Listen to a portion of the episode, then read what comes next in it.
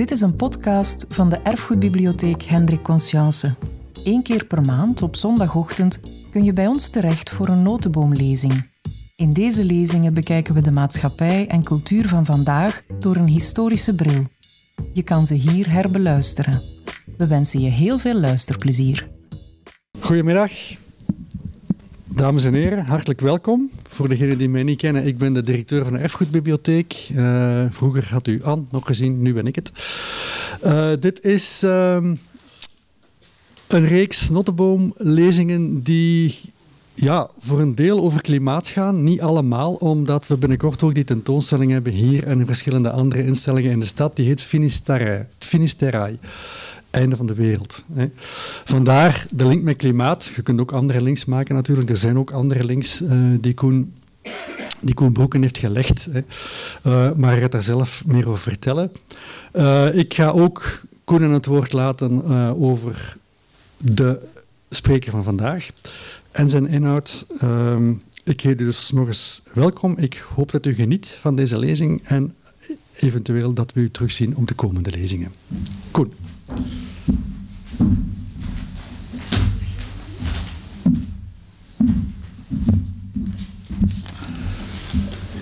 Dank u wel, Peter. Dit was Peter Toelen, onze nieuwe directeur. Dank u voor het applaus. Denkt u er ook aan om deze toestelletjes af te zetten? Dank u wel.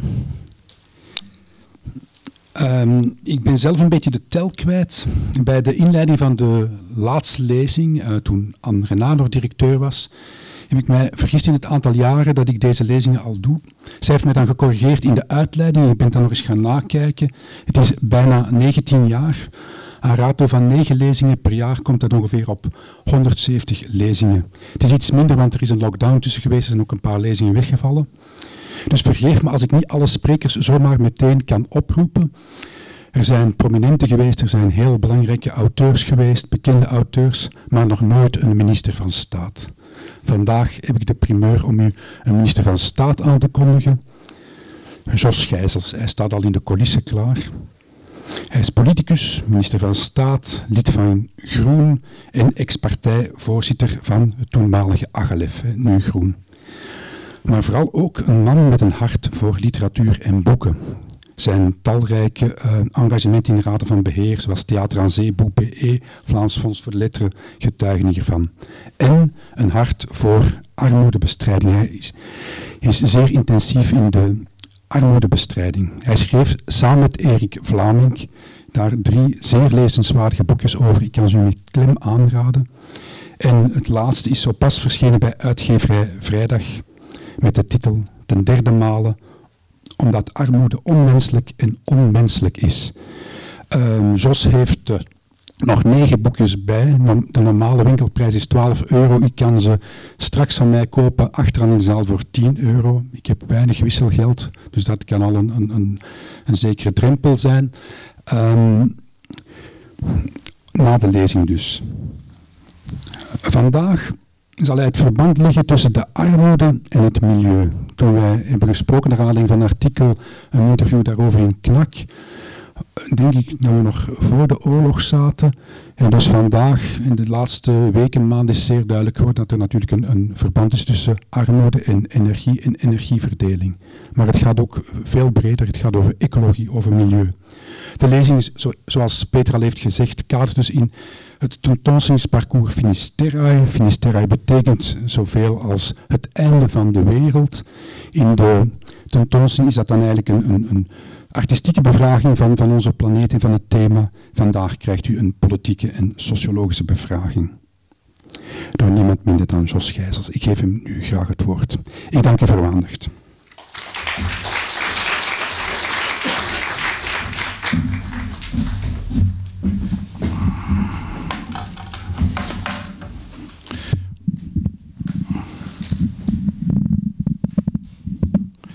Voilà. Dank u wel uh, voor de uitnodiging, geachte aanwezigen, beste vrienden. De laatste keer dat ik in deze prachtige zaal uh, aanwezig was, was eigenlijk voor een, een heel blijde uh, gebeurtenis, namelijk het aankondigen dat we in Vlaanderen terug een literaire prijs hadden, zowel voor volwassenen als voor uh, kinder- en jeugdliteratuur. De Boon, kent u wel. Dat was ook in deze prachtige zaal. Um, dus ik heb daar eigenlijk een goede herinnering aan. En uh, ten tweede vooraf, ja, dank, dank dat ik een lezing mag geven. In het circuit van de lezingen gebruiken we tegenwoordig altijd PowerPoints. En ik vroeg aan Koen Broeken of het ook mocht, gewoon een klassieke lezing. En dat mocht. Ik moet zeggen, dat is, dat is eigenlijk een tijdje geleden. Dus ik hoop dat ik u niet ga vervelen, maar ik heb een, eh, een tekst uitgeschreven. Met een PowerPoint hoef je dat niet te doen, dan kan je zo wat hè, humoristisch improviseren en is iedereen gelukkig. Uh, het onderwerp uh, van vandaag laat zich samenvatten onder een statement, namelijk uh, de aarde wat kouder en de samenleving wat warmer. En ik ga daarover uh, een aantal gedachten met u delen. Ik zou graag beginnen met een, een anekdote. enkele maanden geleden merkte ik in het Gentse stadcentrum. Ja, Gent is ook een mooie stad, beste mensen uit Antwerpen. En ik merkte op een geparkeerde auto, en het was geen goedkoop model, het was een serieuze bak, een sticker maar met daarop de tekst, weer een bakfiets minder. Echt waar. Ik dacht, ja, is dat een tegenreactie op de gekende 1111 plaatje dat op menige fiets is aangebracht met de boodschap weer een auto minder. U kent die. Dat dacht ik eerst aan. Daarna dacht ik, of is het bedoeld als een humoristische provocatie tegenover die latte drinkende bobo's op driewielers? Of we daarmee de lachwekkende conclusie van deze autobezitter, weer een auto meer, begripvol moeten benaderen, denk ik niet. Maar ik onthoud uit die anekdote twee zaken. Dat het niet alleen gele hesjes zijn die niet met een bakfiets rijden, dat is trouwens ook de titel van een boek dat ik u graag wil aanbevelen van Wim van Lanker, armoede-expert van de Universiteit van Leuven. Die heeft daar een boek over geschreven waarom gele hesjes niet met een bakfiets rijden. Een aanbevelensboek. Dus, maar ik merkte ook dat mensen met een serieus SUV-vehikel ook blijkbaar niet gediend zijn met bakfiets en moeilijk afscheid kunnen nemen van hun bak. Want dat zijn bakken. Die anekdote verwijst ook naar de discussies in menig milieudebatten en ook in de klimaatdiscussie. Want ik merk op dat hoe urgenter de aanpak van de klimaatproblematiek zich stelt, hoe meer tegenstanders allerlei clichés verspreiden op de sociale media en of hun kritiek uitspuwen op het asociale van klimaatmaatregelen. Sinds de pure klimaatontkenning door de wetenschappelijke consensus nog moeilijk te verdedigen is. Er zijn er nog een paar in Vlaanderen, hè, onder andere een burgemeester in Middelkerken, maar goed. Sinds het dan moeilijk is om nog als geloofwaardig te worden neergezet, trachten klimaatsceptici, want zo heten ze nu, of klimaatvertragers, trachten die het urgente klimaatbeleid af te remmen met het argument dat het allemaal te duur is voor de gewone mens. Er mag geen ecoproletariaat bestaan. Dat is een uitspraak van een gevleugelde burgemeester van Aalter, die in het stadhuis woont dat Kremlin wordt genoemd. Echt waar in Aalter. Maar dit volledig terzijde.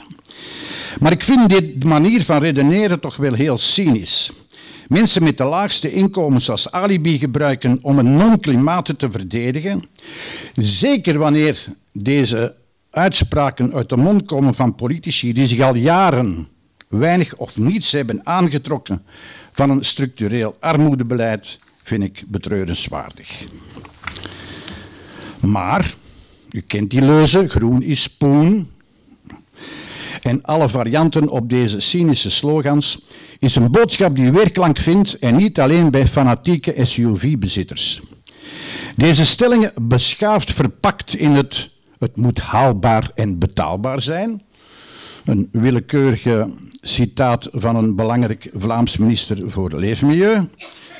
Die wegen op het debat en ze hebben invloed ook bij mensen uit de lagere inkomensklasse. En dat is niet verwonderlijk. Deze frames verwijzen immers naar een reëel bestaande ongelijke solidariteit, uh, realiteit. Ze sluiten aan bij een levens- en denkpatroon van vele mensen die niet onder de indruk zijn van het einde van de planeet als ze moeite hebben om het einde van de maand te halen.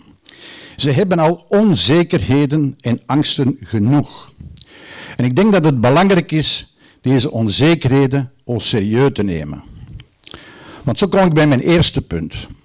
De koude samenleving.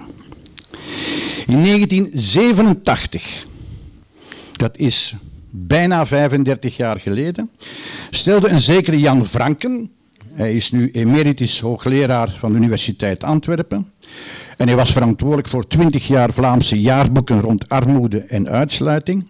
Die stelde in 87 vast, ik heb dat gelukkig teruggevonden, op papier, want dat was niet uh, digitaal gearchiveerd, dat 15% van de Belgische bevolking arm was. 15%, 87. En nu, meer dan 30 jaar later, zitten we nog altijd rond die 15% Dat varieert, maar algemeen rond die 15% van de Belgen die arm zijn.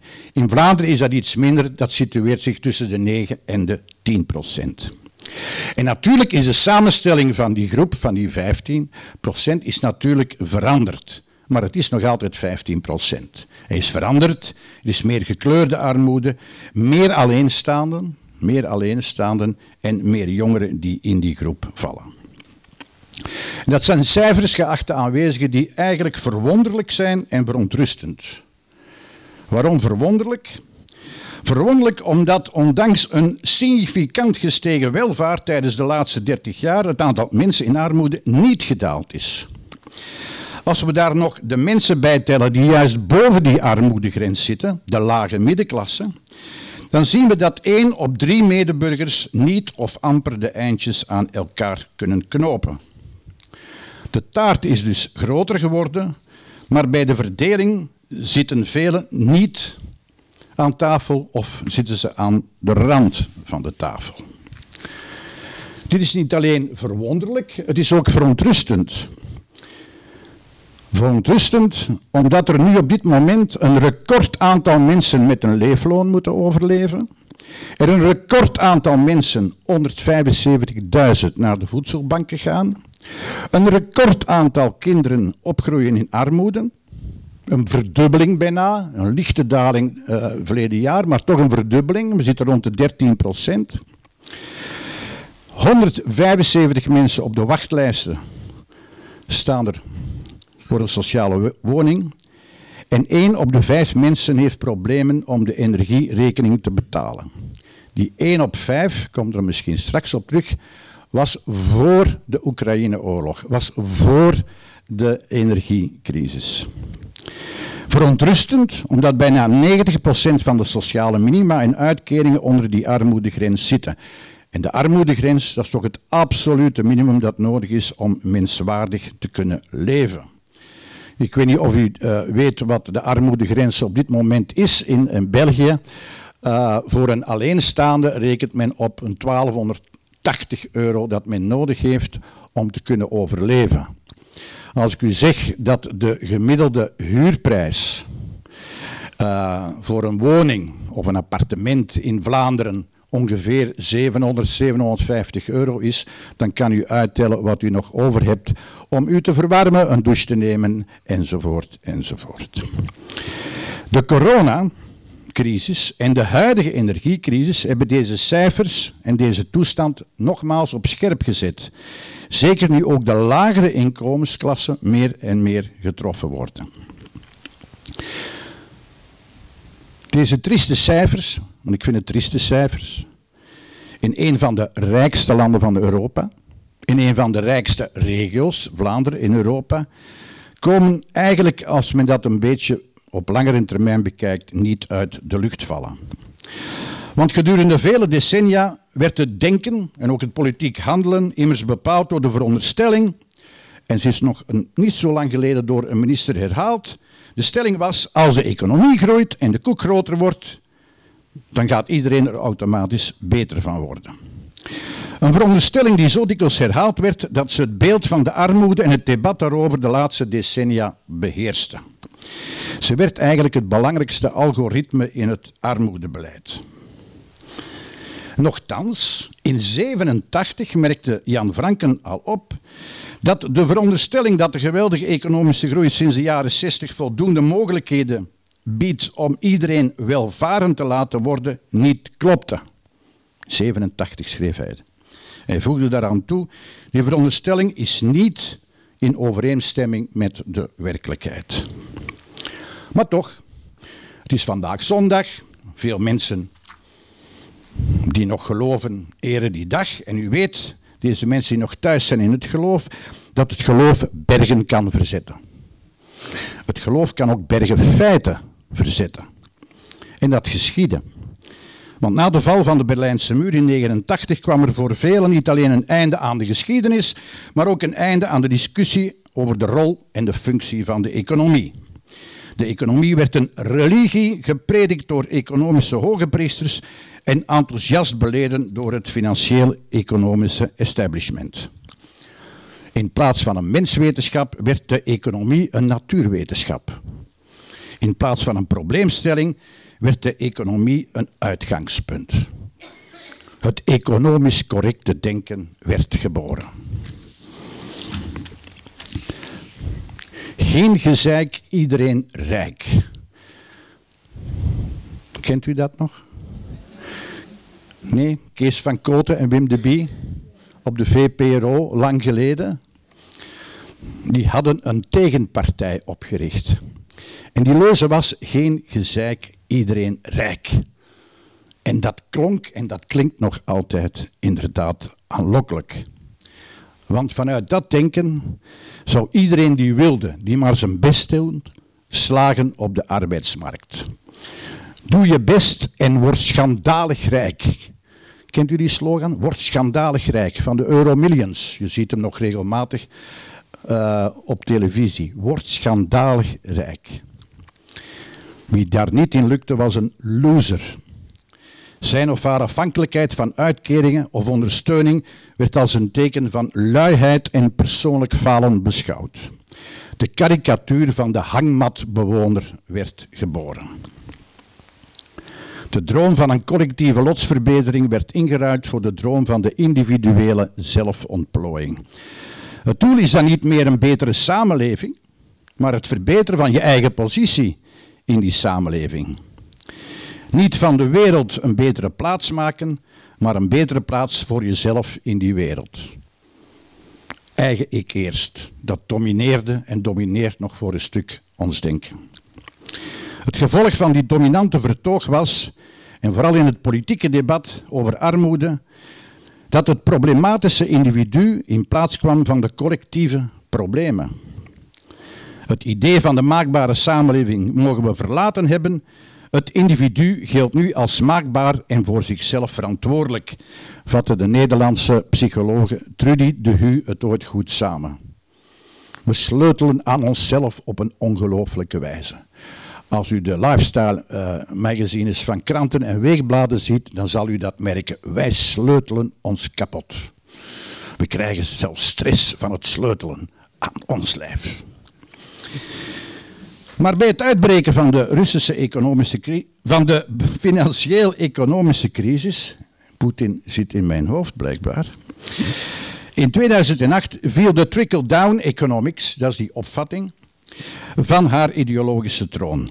Talloze kritische onderzoeken, ik denk aan Thomas Piketty, aan Joseph Stiglitz uh, en anderen, en een vracht van cijfermateriaal toonde onverbloemd aan dat de rijkdom niet naar beneden sijpelde, maar vooral naar boven stroomde, naar aandeelhouders, naar de financiële sector en naar allerlei bekende of minder bekende eilanden.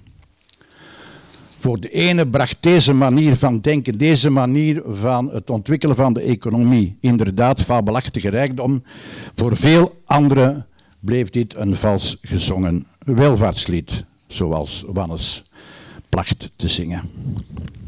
Maar ondanks deze feiten blijven vele politici en beleidsmakers zich vastklampen aan deze mythes over de economie en over de fabels over mensen in armoede. Er werden weliswaar beloften en doelstellingen geformuleerd. De bekendste kent u, de halvering van de kinderarmoede. Dat was een uitspraak en een doelstelling van de vorige minister voor armoedebestrijding, die ergens afkomstig is uit het Antwerpse en nu voorzitter is van het Vlaams parlement. Die zei, we gaan de kinderarmoede halveren. Nogmaals, ze is quasi verdubbeld. En het beleid concentreerde zich vooral op die individuele verantwoordelijkheid. Met dood, als, u kent ze wel, eigen schuld, dikke bult, voor wat, hoort wat. Ondertussen werden die beloften niet ingelost, de doelstellingen niet gehaald en toen kwam daar nog de coronacrisis en de energieproblematiek bij. Het gevolg is, en dat wil ik toch als het kan vandaag benadrukken, dat er een gevaarlijke tweedeling in de samenleving opduikt. Sommige sociologen noemen dat de tweederde samenleving. Waarbij twee derde het goed, heel goed of buitensporig goed heeft en een derde het minder goed, niet goed of buitensporig slecht heeft. En die tweedeling brengt ook met zich mee dat er een scheiding is tussen de verschillende leefwerelden en daarmee verbonden levensstijlen van deze groepen. Er gaat een diepe kloof tussen wie vermogend is en wie veel minder centen heeft. Tussen Audi, Audi en Dacia-rijders, tussen dragers van merkkledij en de gele hesjes, tussen bewoners van kansrijke buurten en achtergestelde wijking. En het is geen scheiding van gelijken, maar een muur tussen geslaagde overlevers en gebuisde verliezers. Tussen degenen met een uitgebreid netwerk en een sterk sociaal kapitaal en de anderen die in een web van isolement blijven steken. Die er niet bij horen. De achterblijvers, de buitenstaanders, waarvan de levensstijl weinig of niets te maken heeft met de wereld, ik heb het al vernoemd, die in de lifestyle bijdragen van kranten en weekbladen wordt aangeboden. Geachte aanwezigen, er is het beloofde land en, er is het verdronken land. Wetenschappers spreken van een sluipende sociale ontbinding. Een sociale samenleving heeft sociale cohesie nodig. Zonder ontmoetingen op gedeelde plekken en ruimte, zonder gedeelde ervaringen verliezen tolerantie, inlevingsvermogen en solidariteit aan kracht. En zo krijgen veroordelen en onverdraagzaamheid alle kansen wat dan weer kan leiden tot zuiver politiek wantrouwen en aantasting van de democratie, mede en geestdriftig natuurlijk gestimuleerd door de handelaren in angst die wij in België en in Vlaanderen ook hebben. Over die tweedeling maak ik me echt zorgen. Ik zie ze elke dag, ook door mijn engagement in de armoedebeweging, hoe dat zich afspeelt hoe die mensen zich inderdaad voelen als achterblijvers, niet geapprecieerd, die wel een stem hebben om de vier of de vijf jaar, maar geen voice hebben in het debat, minder verenigd zijn, minder sterk georganiseerd zijn en ze haken af. De samenleving heeft dat, met alle respect, iets te weinig door. Dat is de koude samenleving. Ik ga nu over naar de warmere planeet of de warme planeet, omdat die tweedeling waarover ik het heb nog verscherpt wordt door de klimaatopwarming. Want wat blijkt?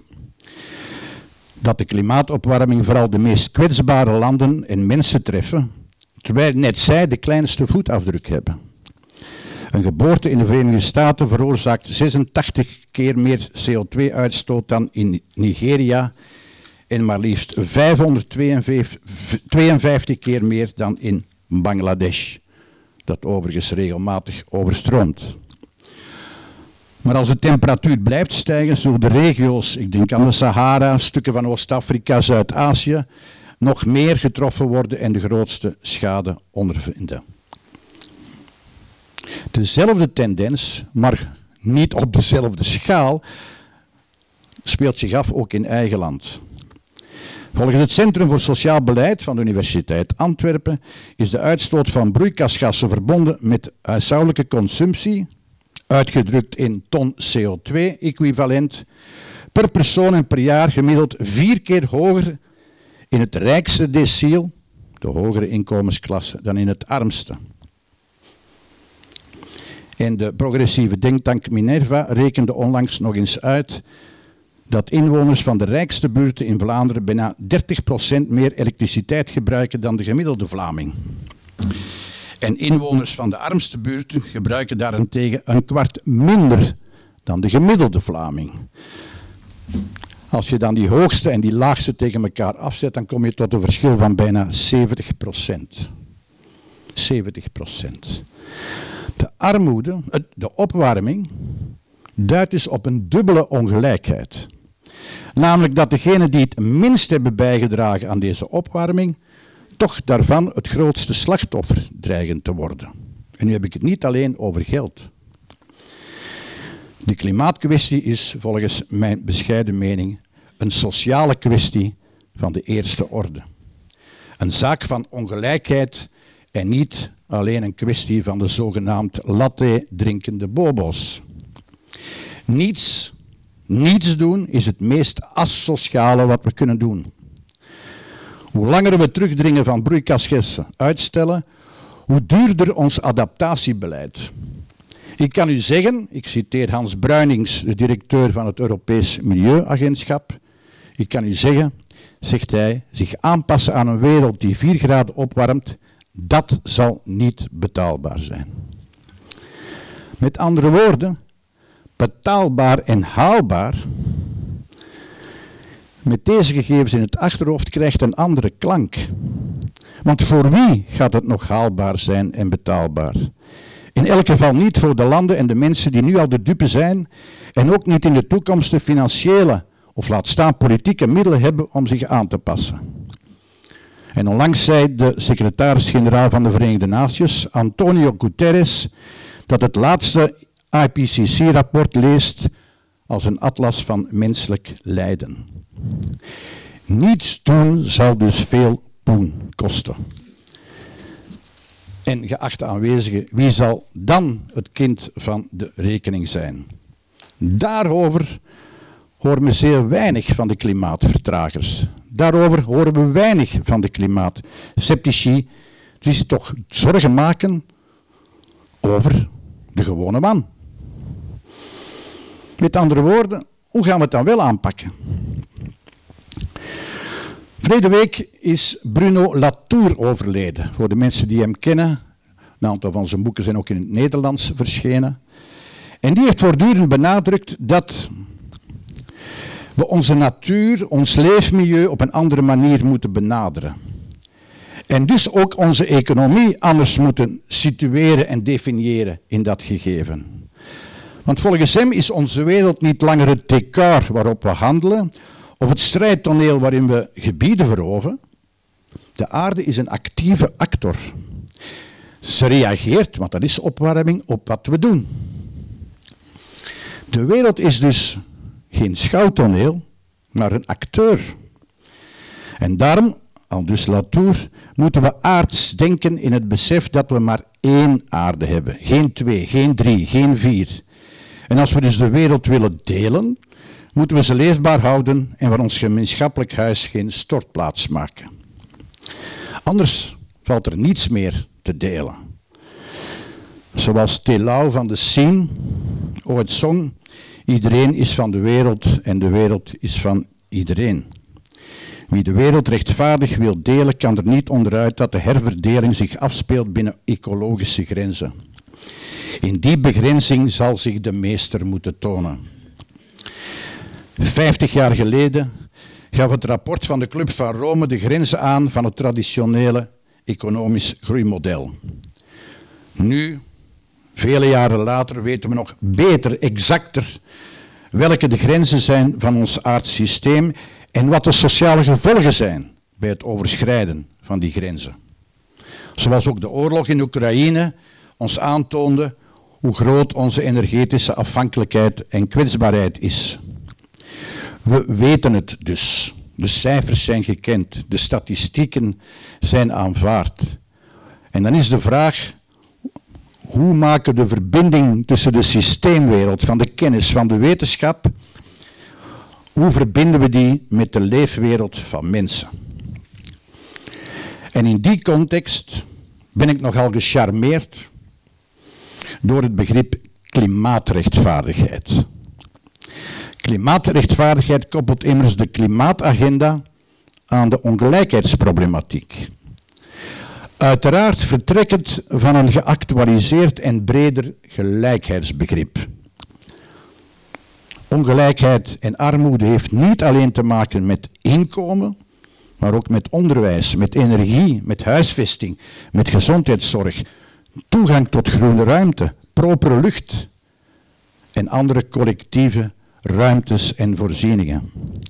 Een geactualiseerd gelijkheidsbegrip beperkt zich dus niet tot een noodzakelijke verdeling van de taart, waarover ik het straks had, maar houdt ook rekening met de kwaliteit of het gebrek daaraan van die taart.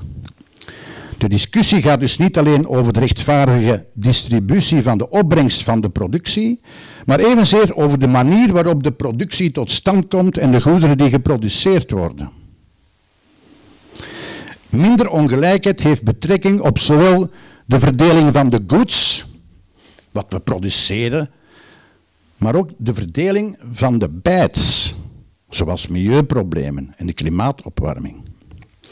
Met andere woorden, de klimaattransitie is geen boekhoudige operatie van kosten en baten, wel een sociaal proces tot een serieuze verbouwing van economie en samenleving, waarbij we liefst zo weinig mogelijk teren op het kapitaal van de aarde, maar trachten te leven van de rente.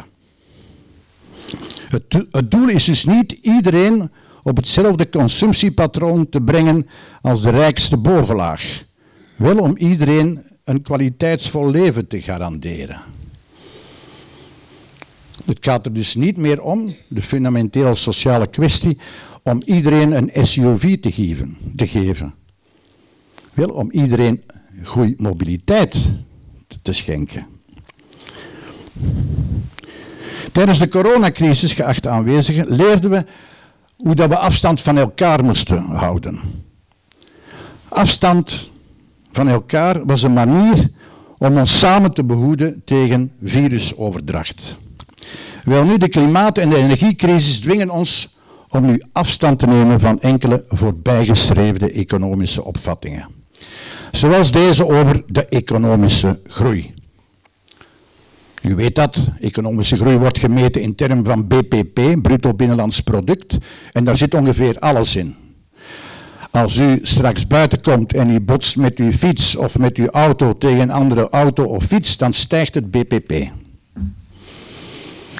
Als er hout wordt gehakt in het Amazonewoud, stijgt het BPP van Brazilië.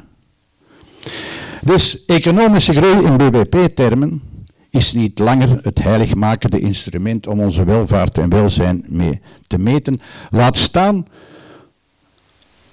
om onze economie mee te runnen. Zoals ooit iemand prachtig schreef, sommigen denken nog altijd dat we eerst hout moeten hakken om daarna met de opbrengst het Amazonewoud te redden. Vanuit deze context betekent klimaatrechtvaardigheid dus niet dat we klimaatmaatregelen vertragen, maar versnellen. En betekent dat sociaal beleid en klimaatbeleid best aan elkaar worden gekoppeld. En dus niet het een inwisselen voor het ander, of nog erger, als alibi gebruiken om het andere niet te doen. Daarom lijkt het mij belangrijk bij elke milieu- en of klimaatmaatregel een globale armoede- of inkomenstoets te voorzien, waarbij ofwel betaalbare alternatieven worden voorzien, ofwel kostencompensaties worden uitgewerkt voor de lagere inkomens.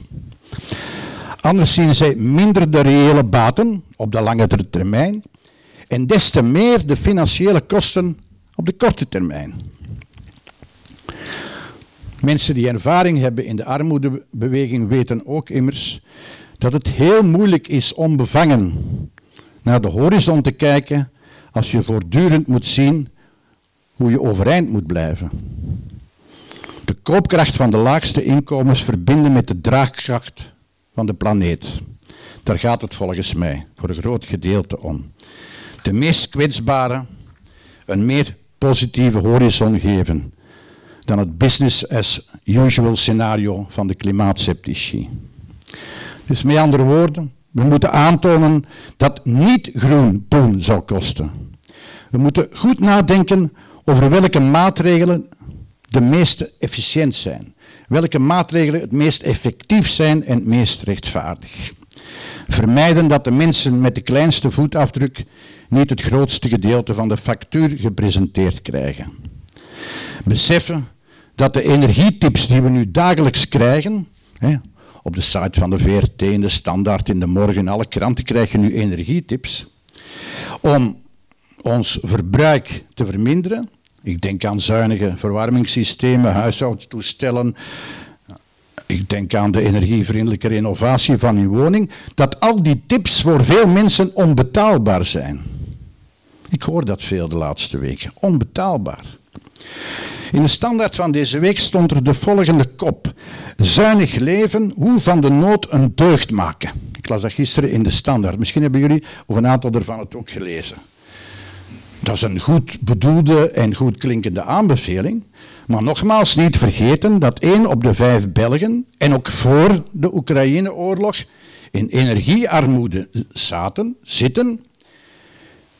Die hebben van die deugd, die hebben die deugd al lang en noodgedwongen beoefend.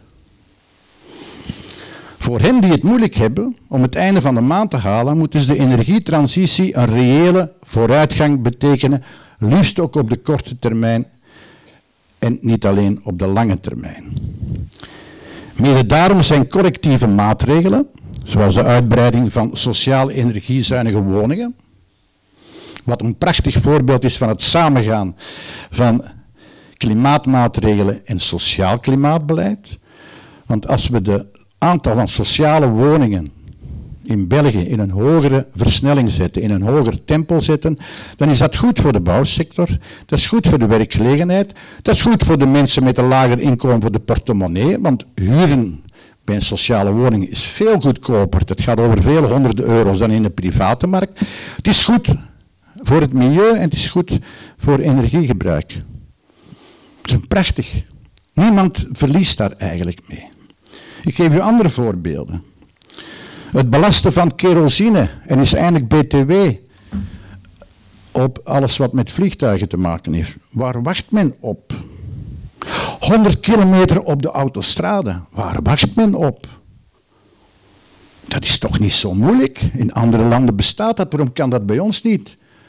Dat is goed voor de verkeersveiligheid. Je zult niet veel later op uw werk of op uw vakantiebestemming of ik weet niet waar zijn, of in uw winkel. En het is goed voor het energiegebruik. 8 tot 10 procent minder. Dus er zijn collectieve maatregelen die reëel zijn, die reëel bijdragen tot de strijd tegen klimaatopwarming en voor iedereen goed zijn. Waarop wacht men? En deze collectieve maatregelen zijn soms beter dan die individuele gedragsveranderingen. U kent dat wel. Een beter milieu begint bij uzelf. Een slogan van de jaren 70 die nu terug opkomt. Natuurlijk kunnen wij allemaal iets doen. Natuurlijk hebben wij onze individuele verantwoordelijkheid. Maar laat ons niet vergeten dat we daar alleen niet mee kunnen. Want als je in een slecht geïsoleerde woning moet huren, is het zeer moeilijk om een aantal van die tips na te komen, laat staan uw gedrag te veranderen. Dus nadruk op collectieve maatregelen. Wat ook kan, is de hervorming van de fiscaliteit. Ik maak het actueel. De federale regering is daarmee bezig. Doe iets aan de Matthäus-effecten van, de fiscale, uh, van de fiscaliteit. Wat houdt men tegen? Want zoals u weet, hoe hoger inkomen, hoe meer dat u kan aftrekken. En ik weet ook dat lasten op arbeid te duur zijn. Maar als het gaat over klimaat en sociaal, kan je heel wat van de koterij, excuseer het woordgebruik op een zondag, toch wel afschaffen in functie van sociale en ecologische doelstellingen. De salariswagen. Ik predik niet met het vingertje, u mag geen salariswagen hebben, maar ik denk dat we allemaal moeten weten dat dat 3 miljard per jaar kost. Niet aan de werkgevers of de werknemers, nee, aan ons allemaal. Ik vind dat we er eens over moeten nadenken. Dat men deze, dit wagenpark gaat elektrificeren is een stap vooruit. Maar nog een betere stap vooruit zou zijn dat we dat belastinggeld voor iets anders zouden kunnen gebruiken. Zoals openbaar vervoer. Beter, kwalitatief openbaar vervoer. Ik weet dat dat een moeilijk debat is, maar we moeten het toch wel durven voeren. Hetzelfde met de veralgemeende btw-verlaging op elektriciteit en gas. Ik snap dat, waarom dat men dat doet. Maar waarom is dat niet gemoduleerd? Want hoe hoger uw inkomen, hoe hoger uw verbruik en hoe meer dat u eigenlijk krijgt door die verlaging van die BTW, dat men het doet op een basispakket of een gemiddeld pakket. Want iedereen heeft recht op energie, iedereen heeft recht op verwarming, dat versta ik. Maar vooral zo veralgemeend. Er zijn veel betere ecologische en sociale functies dan dit. Ik geef maar weer op welke manier we kunnen nadenken om die twee te laten samengaan. Ik kom tot een besluit. De aarde kouder en de samenleving warmer maken. Daar ging het over. En we hebben het vooral gehad over de warmere planeet en de koudere samenleving. Maar toch, de aarde kouder maken en de samenleving warmer maken, in de samenhang van beide doelstellingen toont zich dat begrip klimaatrechtvaardigheid. Het geeft ons een alternatief narratief en een hoopvol perspectief. En het lijkt mij ook een mooie frame, hè, want zo moet dat dan gedefinieerd worden, om in de publieke ruimte te discussiëren en hier rond beweging te maken. Niet met opgestoken vinger mensen terechtwijzen, maar naar een andere richting wijzen. Niet moraliseren, maar politiseren. Geen zonnebloemen besmeuren, maar greenwashers ontmaskeren. Niet doemdenken, maar prikkelende voorstellen etaleren. Veel herhalen zonder te zeuren. En wakker blijven om schijnmanoeuvres en karikaturen te doorprikken en perverse overwinsten naar de samenleving over te hevelen. Ik vind dit een heerlijk project. Ik vind dit een heerlijk project. Dat is een project dat de mens deugd doet. En ik hoop dat we daarmee veel mensen kunnen mobiliseren. Want u weet, om de draagkracht van de aarde en van mensen overeind te houden, hebben we een breed maatschappelijk draagvlak nodig, zo heet dat dan. Vandaar dat ik wil eindigen met een ode aan de poëzie, aan de dichters, ook aan alle stadsdichters waar ze zich ook mogen bevinden, in Antwerpen of daarbuiten, die betrekking hebben op dit thema. En een paar dagen geleden kreeg Peter Verelst de Arkprijs van het vrije woord. En hij eindigde als volgt. Geef niet op, misschien buigend, maar wel zonder door de knieën te gaan. Wankelend. En toch door de knieën gaan. En weer overeind komen. Trots en nederig tegelijk. Kruipen, lopen, baggeren, vallen, overeind komen, weer vallen, weer overeind komen ja zeggen. Want, zoals die andere dichter Emily Dickinson schreef, hoop is dat ding met veertjes dat neerstrijkt in de ziel. Ik dank u wel. Je luisterde naar een podcast van de Erfgoedbibliotheek Hendrik Conscience. Wil je nog een andere lezing beluisteren? Ga dan naar www.consciencebibliotheek.be-herbeluister.